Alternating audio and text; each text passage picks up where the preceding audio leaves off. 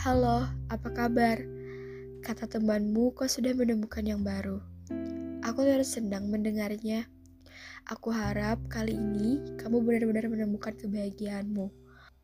Perpisahan kali ini begitu menyedihkan bagiku. Setiap malamnya air mataku berjatuhan.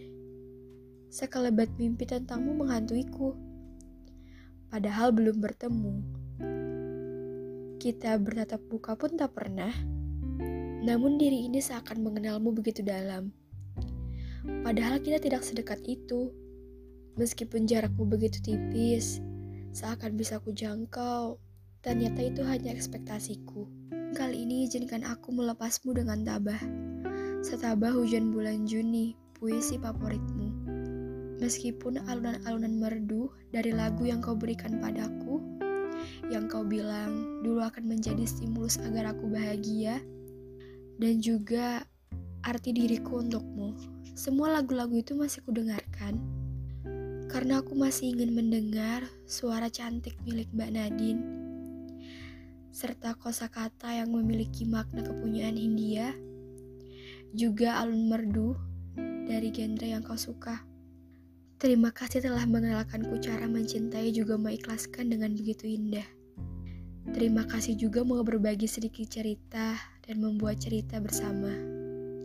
Aku tak pernah menyesal mengenalmu, karena Tuhan begitu baik mengenalkanku pada sosokmu.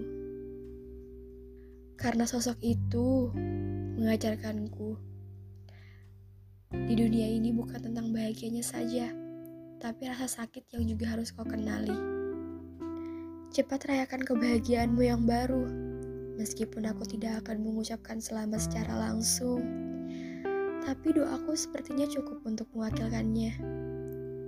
Ada lagi terima kasih karena telah singgah. Hei sosok yang amat sangat baik, sekarang kau tak perlu takut. Dulu kau bilang, waktu kita berpisah kau menyakitiku. Sungguh sekarang aku sangat amat baik, lebih baik dari sebelumnya. Aku tak pernah selega ini melepaskan seseorang tapi izinkan aku masih menyimpan memori tentang kita.